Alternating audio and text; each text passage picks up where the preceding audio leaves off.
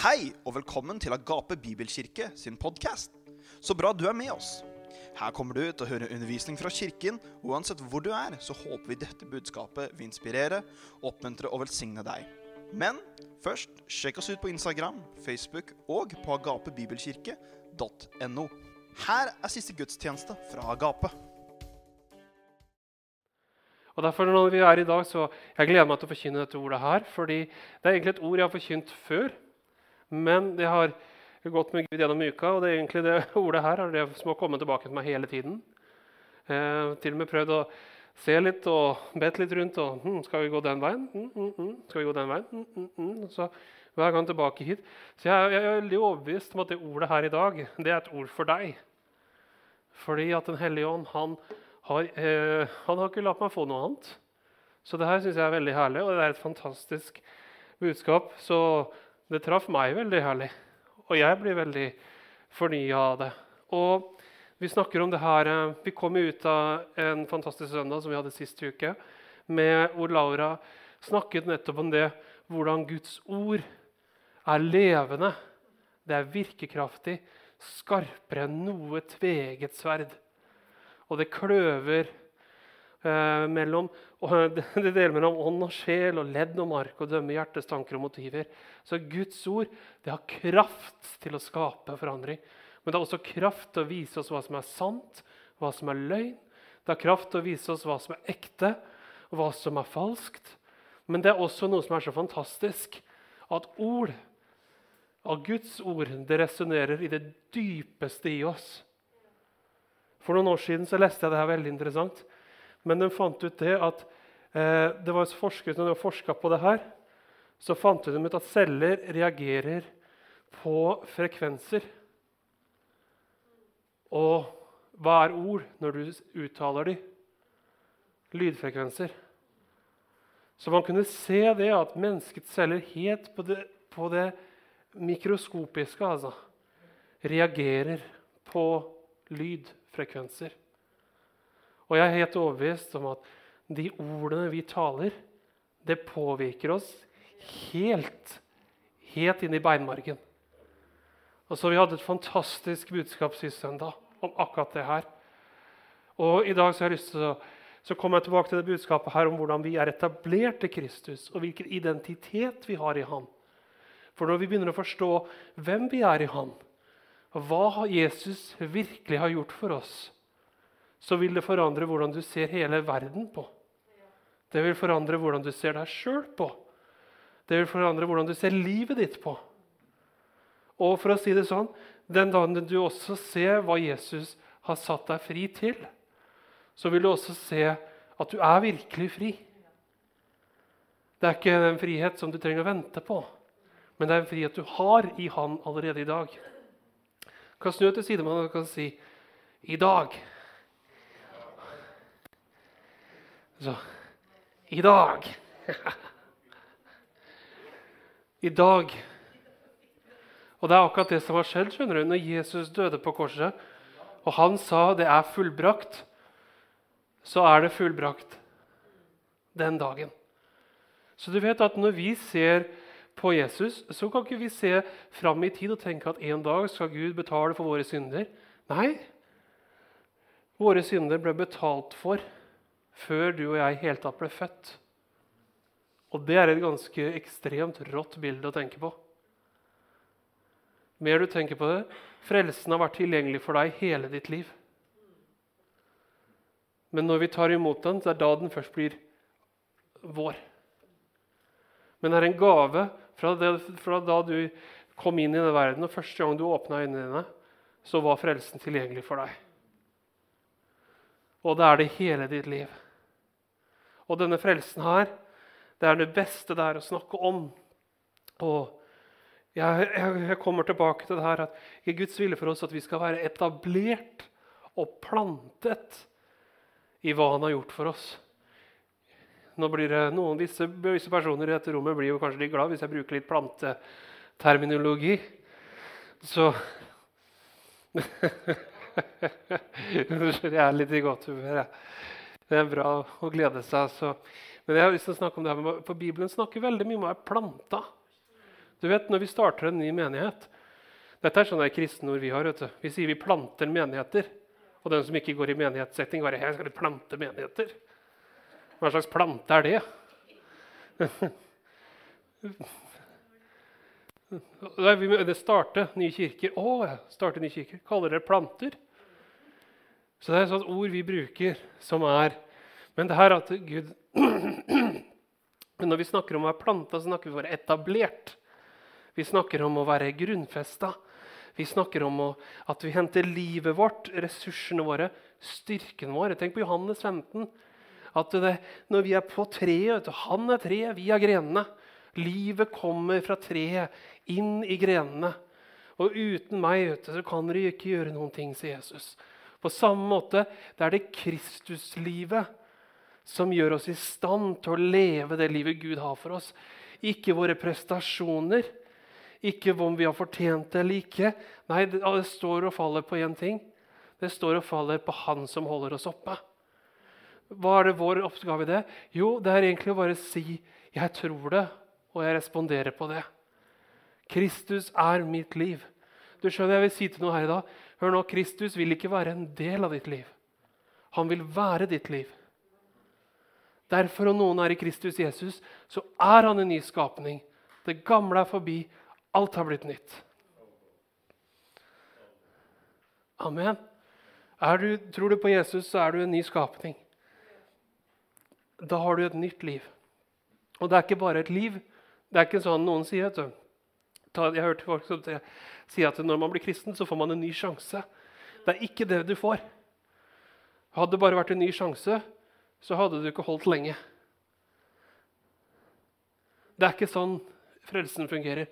Frelsen er ikke en ny sjanse. Frelsen det er en ferdig gave som oppfyller alt det du og jeg noensinne eh, måtte oppfylle. Det som ikke du og jeg klarer, det er oppfylt gjennom hva Jesus gjorde for oss. Så Gud vet at du og jeg ikke klarer å oppfylle dette. Og derfor, Når jeg snakker om å være planta i Kristus, hvorfor er dette så viktig? Jo, vi skal dra parallellen. For hvis du blir frelst ved en aksept at du ikke klarer å fikse det sjøl, så må vi også leve på en måte som er på samme.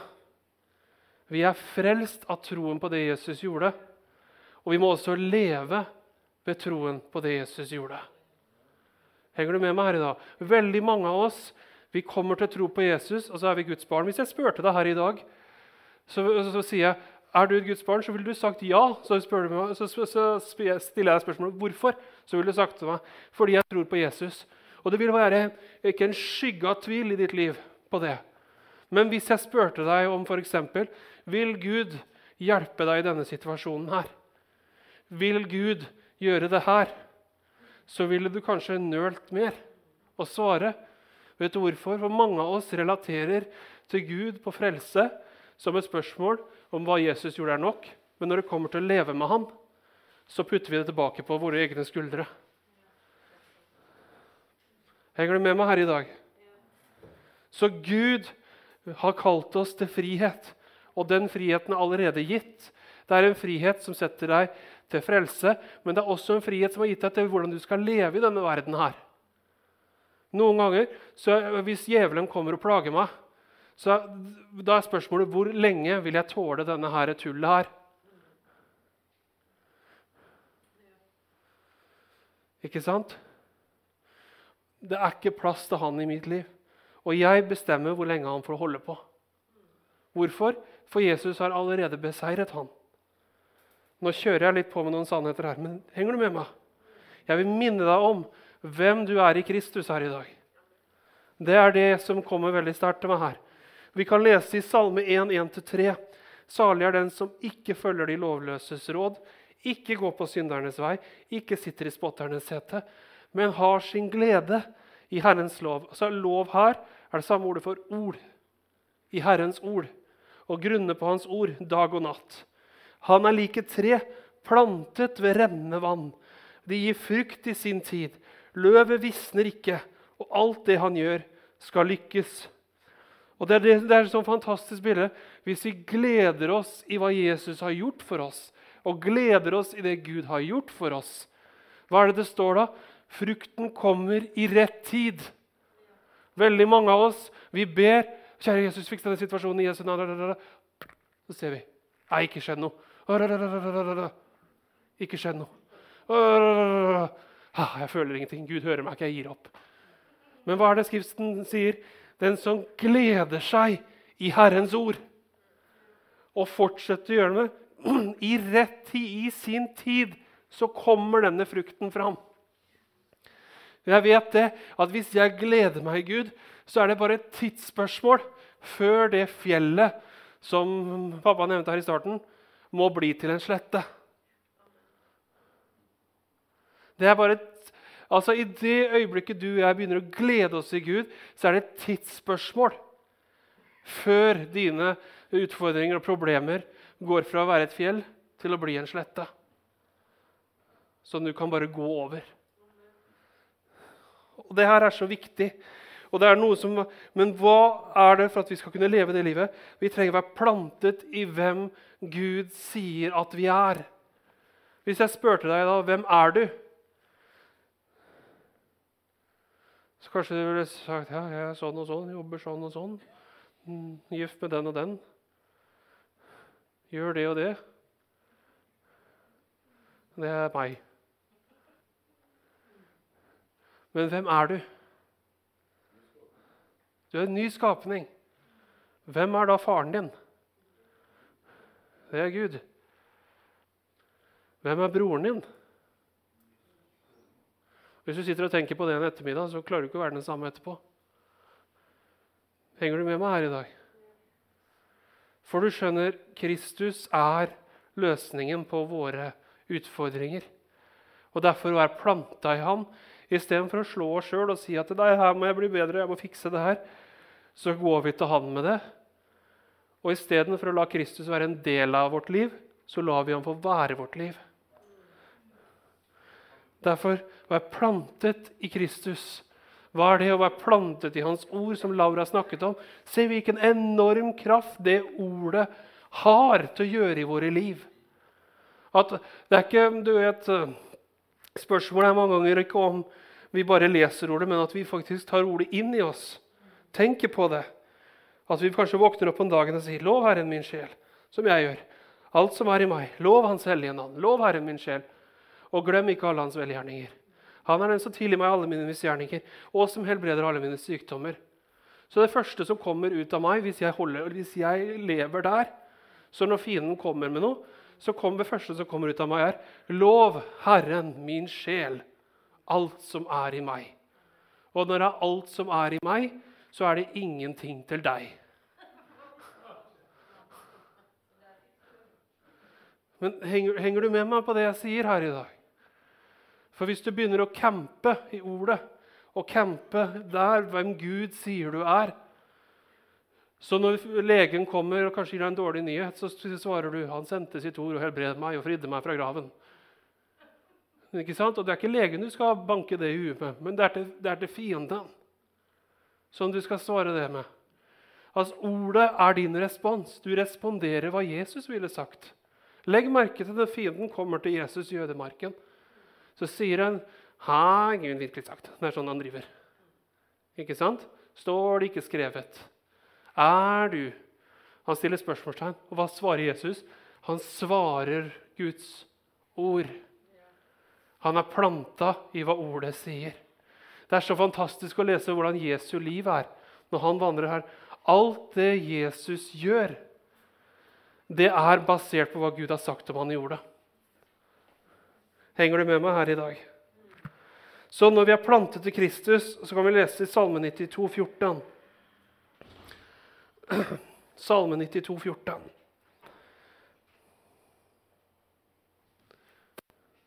Får vi det på skjermen, tenker jeg. Salme 92, 14. Ja, jeg liker faktisk den oversettelsen der veldig godt. De som er plantet i Herrens hus, skal spire eller blomstre i vår Guds forgårder. Så vi skal blomstre i forgården til Gud.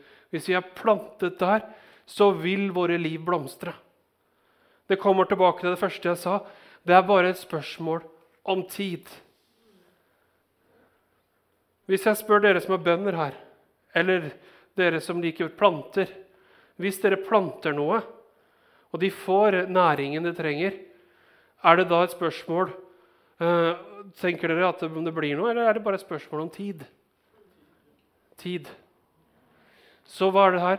Så det vi snakket om sist søndag, med ordet kommer inn i oss, og ordet får rikelig næring i oss, da er det bare et spørsmål om tid før det blomstrer i våre liv. Hvis vi ikke gir det næring, så vokser det ikke fram. Og da blomstrer det ikke. Men hvis vi lar det få næring, hvis vi camper i det, så er det et spørsmål om tid. Og Guds ord har kraft i seg til å ta med det miraklet du og jeg trenger. Og derfor, når vi er plantet til Kristus, og henter vi styrken fra Han Det er først det der punktet, når vi på en måte er etablert Jeg vet OK, jeg tar ordet inn i meg, og så er det bare et spørsmål om tid før det blomstrer ut i livet mitt. Hvis det er et område i livet mitt jeg trenger virkelig å få Guds kraft innpå. hva gjør vi da? Si at du har et område i livet ditt hvor ting er veldig vanskelig. Kanskje du sliter veldig med frykt. Så har du lest skriftstedet 'Den fullkomne kjærligheten driver frykten ut'. Så du kan lese i 1. Johannes brev. Og så sliter du med det området. At du er, Uansett hva du gjør, så er du prega av frykt. Det første du trenger å gjøre, det er ikke å bare si 'jeg har ikke frykt', 'jeg har ikke frykt', 'jeg har ikke frykt'. jeg har ikke frykt. Tro fornekter ikke fakta, men tro forandrer situasjoner. Det er to helt vidt forskjellige ting. Så når du sliter med frykt, vet du hva du gjør for noe? Hvis du, er, hvis du, er, hvis du får eh, ok, vi kan ta et eksempel. Hvis du er syk, sitter du sånn 'Jeg er ikke sjuk, jeg er ikke sjuk, jeg er ikke sjuk'. Eller du går og tar medisin. Vi avslutta møtet med sist søndag. Ordspråkene 4 og vers 20 så står det at, det er liv for, at, at ordet er som en medisin for vår kropp. Og det er akkurat det vi sier til deg. Ordet er kraft og medisin for ditt liv. Så hvis du tar det inn i ditt liv, så vil det blomstre og fungere for deg. Det er bare et spørsmål om tid. Henger du med meg her i dag? Og hvis det fortsatt får næring, så vet jeg den situasjonen jeg møter nå, lever på lånt tid. Så hvis jeg møter et fjell, det første jeg trenger å gå til, det er når jeg planta i Gud, så må jeg finne ut hva sier Gud om min situasjon. Hva sier han om min situasjon? Og Det neste jeg gjør da, det er at jeg tar og leser det. Og så begynner jeg å tenke på det. Og så begynner jeg å si det ettersom jeg tenker på det. Og så når jeg begynner å si det og lever i det, og det, da blir det virkelig for meg. Jeg kommer inn på linje med det Gud sier. Og vet du hva som skjer? Hvis jeg får skriftstedet tilbake, Christer. Det ordet vil blomstre i mitt liv. Det ordet vil blomstre i ditt liv. Gud har gitt deg et ord. Så ikke let i verden for bekreftelse, men begynn å gå inn og si hva er det Gud sier om min situasjon. Og så begynn å fylle deg med hva Guds vilje er for ditt liv. Mange av oss vi, vi blir distraherte på veien. Så blir vi opptatt med andre ting, og så blir vi frustrerte for at det ikke fungerer for oss. Men vi trenger å campe med Gud for å se Guds ord fungere i våre liv. Og det er ikke en gjerningsbasert. Det er egentlig mer spørsmål hvem bor du hos? basert.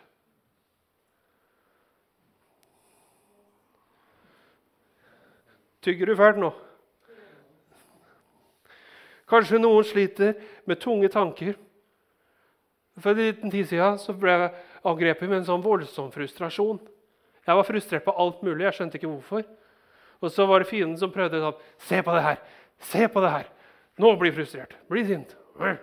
Sånne tanker fikk jeg. Jeg kjente Uansett hva det var, så var det sånn frustrasjon i livet mitt. Og så til slutt var det, vet du hva? Dette her skal ikke jeg ha i mitt liv. Hva sier ordet om denne situasjonen her? Jeg kan tillate det, eller jeg kan stoppe det. Jeg har valget. Du har valget over ditt liv. Hør nå. Du har 100% kontroll over din egen vilje. Du har 100% kontroll over ditt sinn. Akkurat som du har kontroll over din eiendom og din hage. Hva du lar vokse opp i hagen din, det er ditt valg. Enten et bevisst valg eller et ubevisst valg. Henger du med meg her i dag? Derfor er det så viktig å være planta i Guds vilje for våre liv. Jeg kommer sånn fra mange vinkler nå, hvis du legger merke til det. Og det er fordi at jeg vet ordet fungerer. Og jeg vil ta deg med på en vandring her i dag. Og bare for å La oss gå til det vi snakker om identitet. For mange av oss sliter fordi identitetsbildet vårt er ikke på rett plass. Vi er Vi føler, vi ser, og vi hele tiden liksom Er jeg god nok for Gud? Er jeg tilgitt? Men Gud, jeg synda, jeg gjorde det. Nå kan ikke Gud velsigne meg. Og ordet kan bli en byrde for oss, en gjerning, hvis vi ikke har rett identitetsbilde i bånd. Henger du med meg? Har du noen gang følt det sånn? At ordet blir mer en gjerning enn en relasjon. Når det blir som vi snakker om kjærlighetsliv, ikke sant? at i et ekteskap Hvis, sier, hvis den ene ektefellen sier sånn 'Jeg trenger at du elsker meg litt mer'. Mer. Elsk meg mer. Elsk meg mer. Ja, men jeg tok med blomster og sjokolade og, og satte på romantisk film og lagde middag. og Elsk meg mer. Elsk meg mer. Hvordan blir kjærlighetslivet etter hvert da? Da blir det tørt. det blir et slit. Og hvis det bildet vårt er av Gud, at fordi at Gud elsker oss, eller skal elske oss, eller at vi skal oppleve Guds godhet i våre liv, må vi gjøre litt mer. Men det er ikke det det funker. Hør nå. Det er ikke et barometer at Gud ser på hvor mange skriftsteder du har lest, før han tenker seg ok, da jeg får hjelpe til. Det er ikke sånn det funker. Hør nå. Når Guds ord kommer inn i oss, så flytter ikke det på Gud, det flytter på oss. Det flytter oss på rett plass. Det flytter ikke Gud på rett plass. Det er ikke sånn Gud sitter og ser på barometer. Skal vi se, Øyvind han er halvveis nå. Come on, keep it up. Det er ikke det Gud sier. Det er ikke sånn at han ser på deg Ja, du kom bare en tredjedel av veien, ja. Nei, vet du hva? Det står Guds vilje og Guds godhet for oss. Gud gir oss alt uten å forlange noe tilbake. Det gjør han. 100% Problemet vårt er ikke Gud. Problemet noen ganger er at vi går en annen vei. Henger du med meg her? Jeg sier ikke det her for å banke deg, jeg sier det her for å hjelpe deg. Fordi noen ganger så trenger jeg å fornye sinnet mitt. Når Det kommer, det kan være tid nå, og du kan si det i verden nå, så er det mange som er redde. Er det ikke covid, så er det Russland. Og vi lever i en verden som er urolig. Men midt i alt dette så kan vi, du og jeg ha fred. Vet du hva? Det er ganske sterkt å lese vitnesbyrd altså, av folk som uh, gikk under pandemier og kriger før. De sov like godt om natta fordi de hadde Guds uh, fred, og de var trygge Gud uansett hva. Du og jeg kan være trygge Gud uansett hva. Vi blir ikke rokka av alt det som skjer rundt. Og For å komme dit så må vi snakke om det her. som jeg har lyst til å ta. Og det har jeg lyst til å ta, ta et bilde som jeg har brukt før. Og det vil du se, Christer, Hvis du tar bilde nummer én, den med gull på Er det noen som vet hva dette er for noe?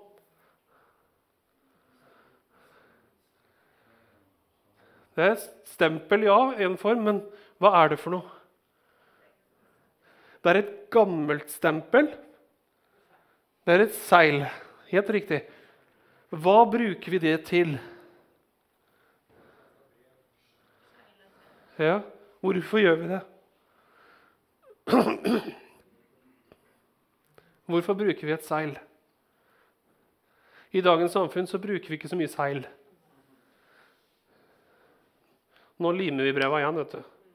Så det er veldig lett å se. Men hvis du satte et seil på et dokument eller et brev, så var det sånn at det var måten å hindre at hvem som helst kunne lese hva som sto der. Så hva puttet man i et seil på den tiden? Hvis vi tenker deg nå at vi er i den romerske verden 2000 år siden, så sendte man brev. Det tok litt lengre tid enn posten. Litt lenger. Men hva sendte man i romerske brev? Særlig hvis vi går til den romerske hæren. Instrukser, taktikk, informasjon, rapporter Alt som var viktig å kommunisere, gikk i disse. Og hva slags seil brukte man på disse? Du kan ta det neste bildet, Christer. Typisk så, så kunne de se sånn ut. Dette er et veldig modernisert papir. Og for det første så var det ikke papir de skrev på. De skrev på et pergament som var delvis skinn. Så litt sånne ting. Papyrusruller. Men de skrev på det, og så forsegla de det. De bandt det sammen med ofte sånn lær. Og så satte de et seil. Hvor viktig det dokumentet var, var faktisk, Det kunne du ikke se først og fremst på kvaliteten på det. Men det som avgjorde hvor viktig det var, det var det. Så hvis du tar én tilbake igjen, Christer, det andre bildet Ser dere at det er noen initialer inni det seilet der? Så du kunne ha havnemesteren ved havna i uh, Cesarea eller i uh, ja, Siviroma, som satte på. Dette her er godtatt for å sende ut. Da hadde det en viss tyngde. Eller at det kom fra bystatholderen i, i Hellas, så ville det ha en viss mening. Men når du var i den romerske hæren, så hadde du keiserens stempel på dokumentet. Hvem var keiseren? Han var de facto den mest eh, eh hva skal jeg si, verdens mektigste mann. Så når han satte seilet på noe, så hadde det den høyeste autoriteten i verden bak det seilet. Så det kom en romersk sendebud med det brevet med keiserens seil. Vet du hva straffen var for å fjerne seilet? Det var død. Uansett, Hvis du åpnet et brev som ikke var til deg, og du brøt keiserens seil, så var det dødsstraff. Vi kan til og med trekke et annet eksempel. Når Jesus blir gravlagt, så ruller det med stor stein foran. Og så setter de keiserens seil på graven for å avskrekke disiplene. Og Det er bare enda et symbol på når Jesus står opp fra de døde, så knuser han hele denne verdens herskerdømme. For seilet ryker når graven åpnes. Det var umulig å åpne graven uten å bryte seilet. Så det er også et symbol at Jesus han avkler djevelen og hans ånde her. Men det neste han gjør, han bryter seilet til Cæsar for å vise hvem som virkelig er herrenes herre og kongenes konge. Det er et fantastisk bilde. Det er ingen disipler som bryter seilet her. Det er vakthold. Og Jesus bryter keiserens seil. Men å bryte det seilet det var dødsstraff. Og Derfor så blir det så sterkt når vi leser Efeserbrevet kapittel 1, når du henger med meg her. Og Jeg skal si straks hvilket vers vi skal til. Men dette seilet hadde fire hensikter, som jeg har lyst til å si veldig kjapt. Nummer én det var å sikre innholdet.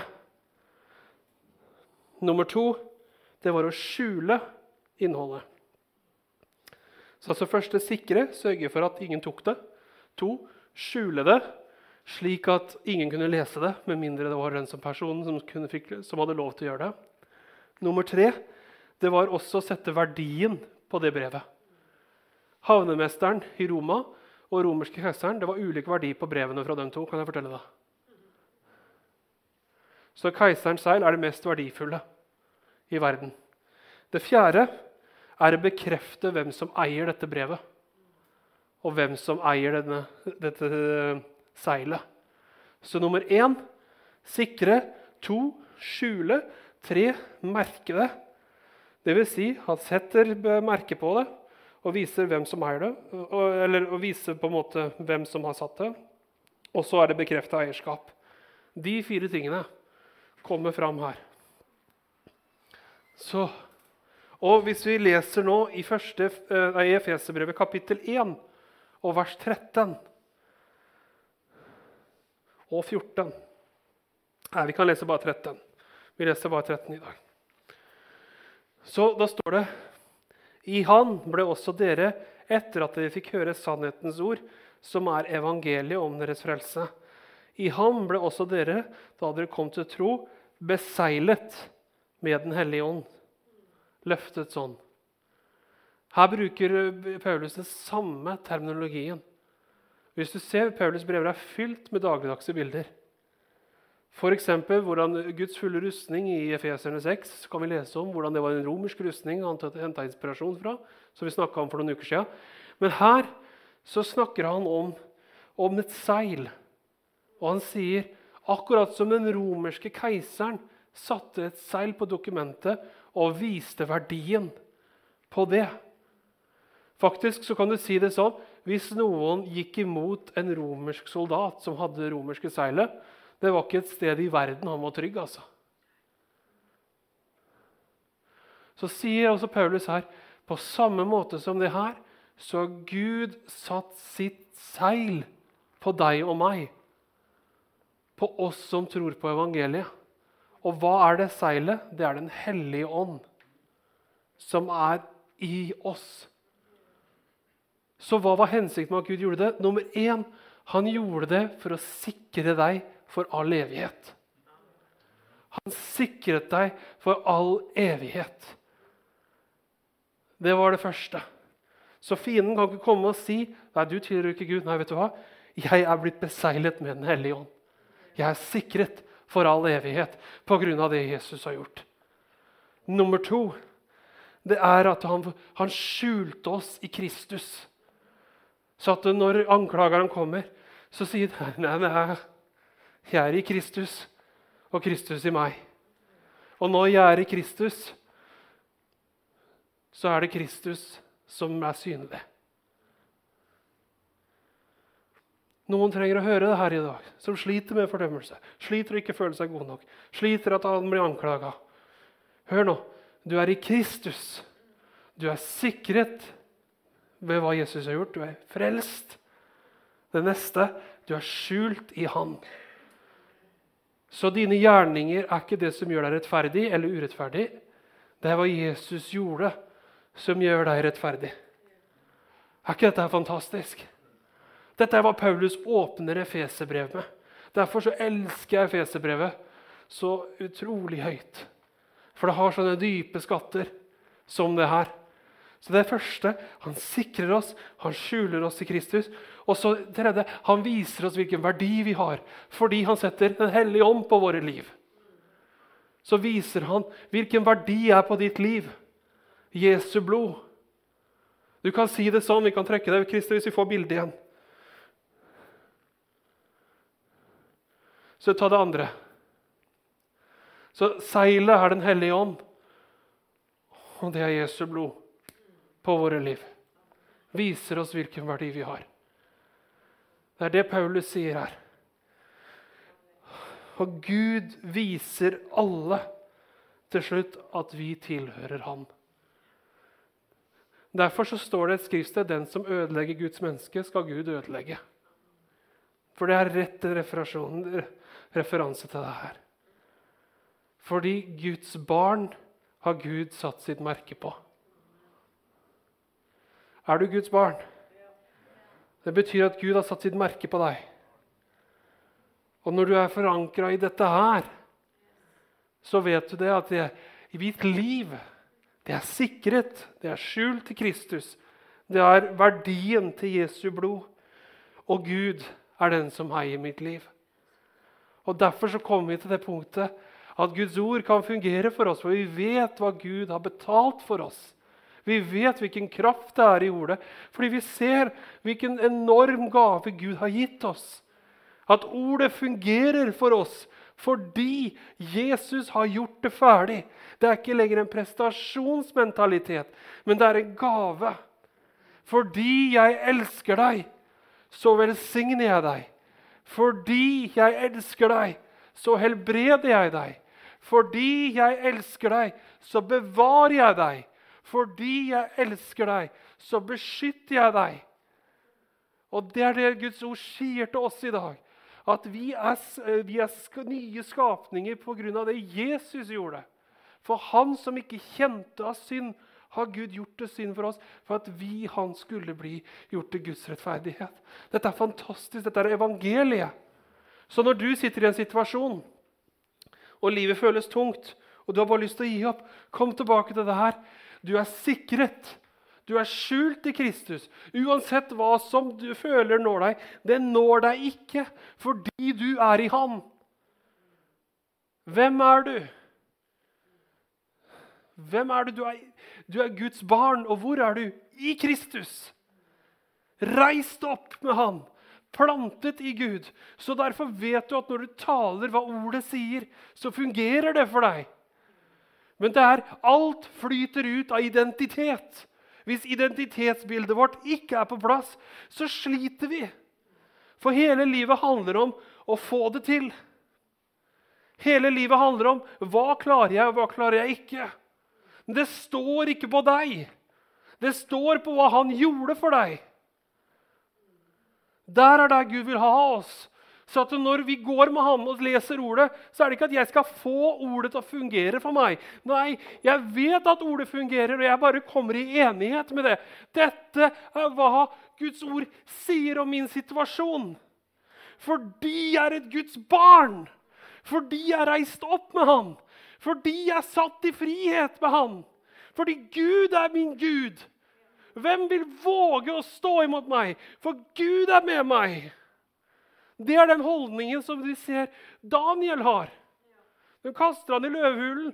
og så det er liksom, det er Dere er i større fare enn det jeg er. Hvem våger å reise seg mot Gud? Akkurat som romerske soldaten. Se, jeg bærer seilet til Cæsar. Hvem våger å stå imot meg? Så kommer enda en som er mye større enn keiseren. Og hvem våger å stå imot han? Han er din Gud. Han er din far. Han er din frelser. Åh! Dette er hvem vi har på innsiden av oss. Derfor Hans ånd som reiste Jesus opp fra de døde, bor på innsiden av oss, står i Romerbrevet 8,11. Og Hans ånd skal levendegjøre de dødelige kroppene våre ved ham. For livets åndslov har i Kristus Jesus gjort deg fri fra synden og dødens lov. Dette er en Gud som bor på innsiden av deg. Det går ikke basert på hva du føler, det er ikke basert på hva du gjør. Det er ikke basert på hva du har gjort, hva du har fortjent og ikke fortjent. Det er basert på hva Jesus har gjort for deg.